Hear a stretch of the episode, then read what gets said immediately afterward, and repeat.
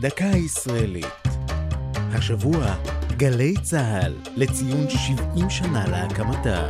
והפעם, האוניברסיטה המשודרת.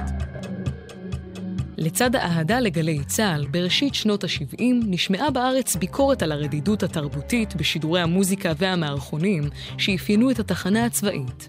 מפקד גלי צה"ל דאז מרדכי נאור חיפש דרך להעשיר את לוח השידורים ולהנגיש תכנים אקדמיים למאזינים צעירים. כך גילה את האוניברסיטה לכל, תוכנית ששודרה מדי בוקר בטלוויזיה בבריטניה.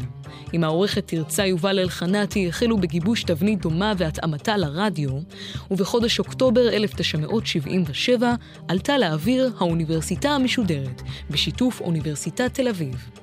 התוכנית ארכה כ-30 דקות ושודרה חמישה ימים בשבוע, פעמיים ביום, ב-6 וחצי בבוקר וב-9 וחצי בערב.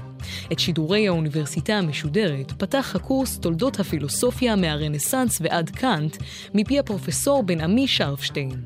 בשיא השידורים מחזיק הפרופסור ישעיהו ליבוביץ' המנוח, שהקליט שישה קורסים שונים.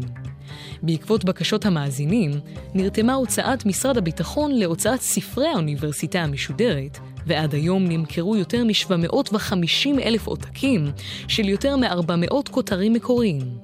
גם כיום האוניברסיטה המשודרת היא חלק מלוח השידורים בגלי צה"ל. זו הייתה דקה ישראלית על גלי צה"ל והאוניברסיטה המשודרת. כתבה יעל צ'חנובר, ייעוץ ציפי גונגרוס, עורך ליאור פרידמן.